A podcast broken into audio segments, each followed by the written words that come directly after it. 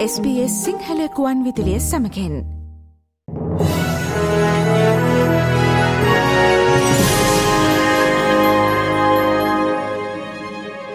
හත්වනි ඉන්දිය සාගර සමුළුවට සභාගිවීමට ඔස්ට්‍රලියාවේ පර්ත් නුවරට පැමිණුණු ජනාධිපතිවරයා ඇතුළු පිරිස පර්ත් සිටින ශ්‍රී ලාංකික ප්‍රජාව හමුවෙන්නට ගිහිල්ලා තිබුණා. ඉතින් දැන් අපි ඒ සම්බන්ධව අවධානය යොමු කරන්න සූදානම් වන්නේ අපි සම්බන්ධ කරගන්නවා. අපගේ SBS සිංහල සේවයේ බටහිර ඔස්ට්‍රේලියා ප්‍රාන්තයේ වාර්තාකාරණිය දිල්හානි කපුආරච්චි.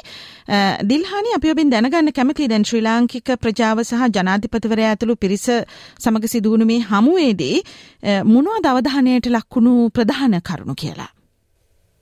උදිල් රුක්ෂි හත්වෙනි ඉන්දිය සාගර සමුළුව ආරම්භ වුණේ බටහිර ඔස්ට්‍රේලියාවේ පර්ත් නුවර පසුගිය පෙබරවාරි 9 වෙනි සිකුරාදා මෙම සමුළුවේදී ප්‍රධාන දේශනය පැවැත්වීම සඳහා ආරාධනා ලැබ තිබුණා ශ්‍රී ලංකාවේ අතිගරු ජනාධිපති රනිල් වික්‍රමසිංහ මහතාට. ඉතින් එතුමා එම සමුළුවට සහභාගී වීමට පෙර ඊටාම සීමිත වේලාවක් සඳහා ශ්‍රී ලංකාවේ ඩයස්පෝරාව නියෝජනය කරන පිරිසක් මුණ ගැහුණා. බටහිර බටහිර ඔස්ට්‍රේලියාවේ පර්ත් නුවර බර්ස්වුඩ්හි ක්‍රවුන් හෝටල් පරිස්ත්‍රේදී. ඉතින් මෙම හමුව සංවිධානය කරලා තිබුණේ බටහිර ඔස්ට්‍රේලියාවේ කොන්සල් කාර්යාලය විසින් විශේෂයෙන්ම වත්මන් කොන්සල්තුමන් වන ආචාර්ය රොෂ්චලක්ගේ මැතිතුමාගේ උපදේශකත්වය යටතේ මේ සුහද හමුව සංවිධානය කොට තිබුණා.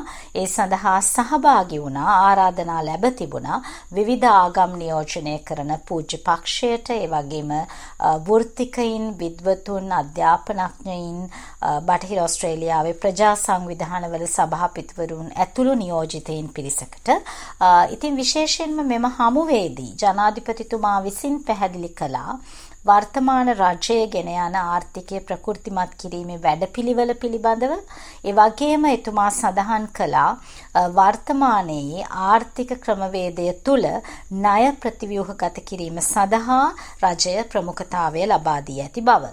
ඒ වගේම එහිදී අවස්ථාව ලැබුණා පැමිණ සිටි පිරිසට වත්මන් රජය ගෙන යන වැඩපිළිවෙල පිළිබඳව ප්‍රශ්න කරන්නට. එහිදී සාකච්ඡාවට ලක්වුණු ප්‍රධාන කරුණක් තමයි ශ්‍රී ලංකාවේ දීර්ඝකාලීන ජාතික ප්‍රතිපත්තියක් නොමැතිවීම පිළිබඳව. විශේෂයෙන්ම ඔස්ට්‍රේලියාව වැනි රටවල එවැනි ජාතික ප්‍රතිපත්තියක් අපිට දකින්නට පුළුවන්.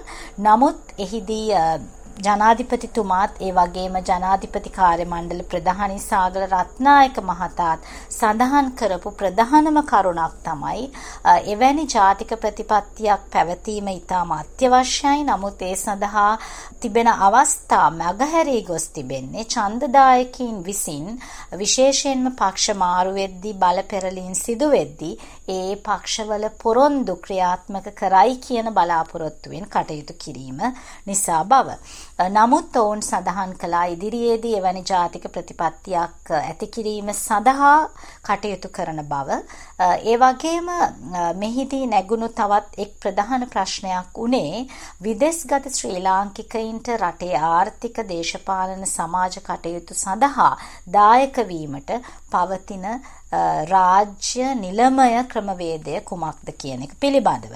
ඉතින් එහිදී සෑහීමකට පත්විය හැකි පිළිතුරක් ලබා දුන්නා විදේශ කටයුතු අමාත්‍ය ගරු අලි සබ්රි මහතා විසින්. එතුමා විසින් පැහැදිලි කළා විදේශගත ශ්‍රී ලාංකිකයින්ට විවිධ ආකාරයෙන් දායක වීම සඳහා හැකියාව ලබා දීමට විදේශ කටයුතු අමාත්‍යාංශයේ යටතේ විශේෂ ඒකකයක් ඕවසීස් යුනිට් එකක් පිහිටුවලා තිබෙන බව. ඉතින් එහිදී එතුමා විසින් පැහැදිලි කළා මෑතදී කරපු වැඩසටහන් කිහිපයක් පිළිබඳවත් මං හිතනවා ඔස්ට්‍රේලියාවේ ඉන්න ශ්‍රී ලාංකිකයින්ට මෙය සුබ පණිවිඩයක් වේවි.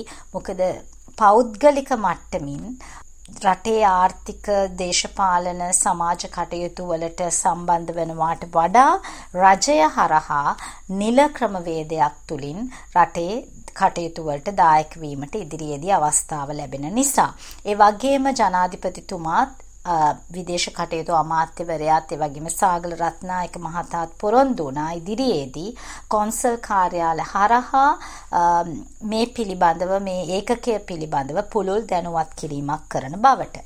ඒ වගේම පැමිණ සිටි විද්වතුන් කැමැත්ත පළ කළා සංචාරක කර්මාන්තය නගා සිටුවන්න. ඒ වගේම දේශගුණික විපර්යාස වලින් ඇතිවන ඍණාත්මක බලපෑම් අවම කිරීම සඳහා උපරිම සහාය ලබා දීමට කැමැති බව. ඉතින් ජනාධිපතිවරයා විශේෂයෙන්ම සඳහන් කළා බටහිර ඕස්ට්‍රේලියාවේ ප්‍රාන්ත අගමැති රොජර් කුක් මහතා සමග පවත්වපු සාකච්ඡාවේදීත් පුනර්ජීව බලශක්ති සඳහා ආයෝජනය කිරීම පිළිබඳව පුළුල්ව සාකච්ඡා කරපු බවත් ඒ වගේම පර්ත් නගරයේ සිට ශ්‍රී ලංකාව සඳහා ඍජු ගුවන් සේවාවක් ඇරඹීම පිළිබඳව පුළුල්ව සාකච්ඡා කරපු බවත්. ඒ වගේම වර්තමාන අධ්‍යාපන ක්‍රමය ලංකාවේ ප්‍රායෝගිකකරණයට ලක්විය යුතු බව ඉංග්‍රීසි භාෂාව සඳහා ප්‍රමුඛතාවයේ අධ්‍යාපන වැඩසටහන් තුළ ලබා දිය යුතු බවත් මෙහිදී සාකච්ඡාවට ලක් කෙරුණා. ඒ වගේම යාපනය ඇතුළු උතුරු ප්‍රදේශවල සංවර්ධන කටයුතු පුළුල් කිරීම සඳහා ජනාධිපතිතුමා විසින් ඔස්ට්‍රේලියාවේ ප්‍රජාවට විවෘත ආරාධනයක් කළා. ඒ වගේම විශේෂයෙන්ම උතුරු ප්‍රදේශයේ තරුණ පරපුර මේ වන විට මුහුණ දෙන ප්‍රධාන ගැටලුවක් විදිහට මත්පැන් සහ මත්ද්‍රව්‍ය වලට ඔවුන් ඇබ්බැහි වී තිබීම ඒ වගේම එයින් ගලවා ගැනීම සඳහා රජය ගෙන යන වැඩපිළිවෙල පිළිබඳවත් කෙටි පැහැදිලි කිරීමක් කරා.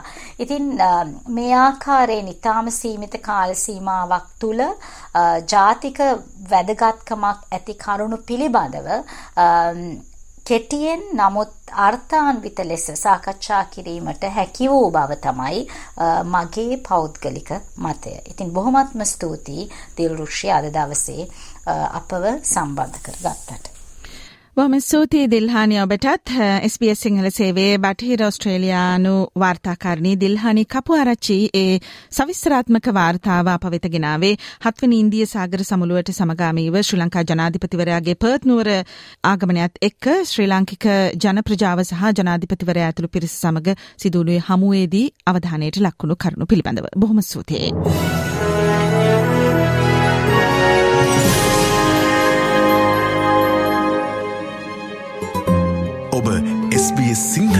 සිංහල ගුවන්විතලය සමගින්.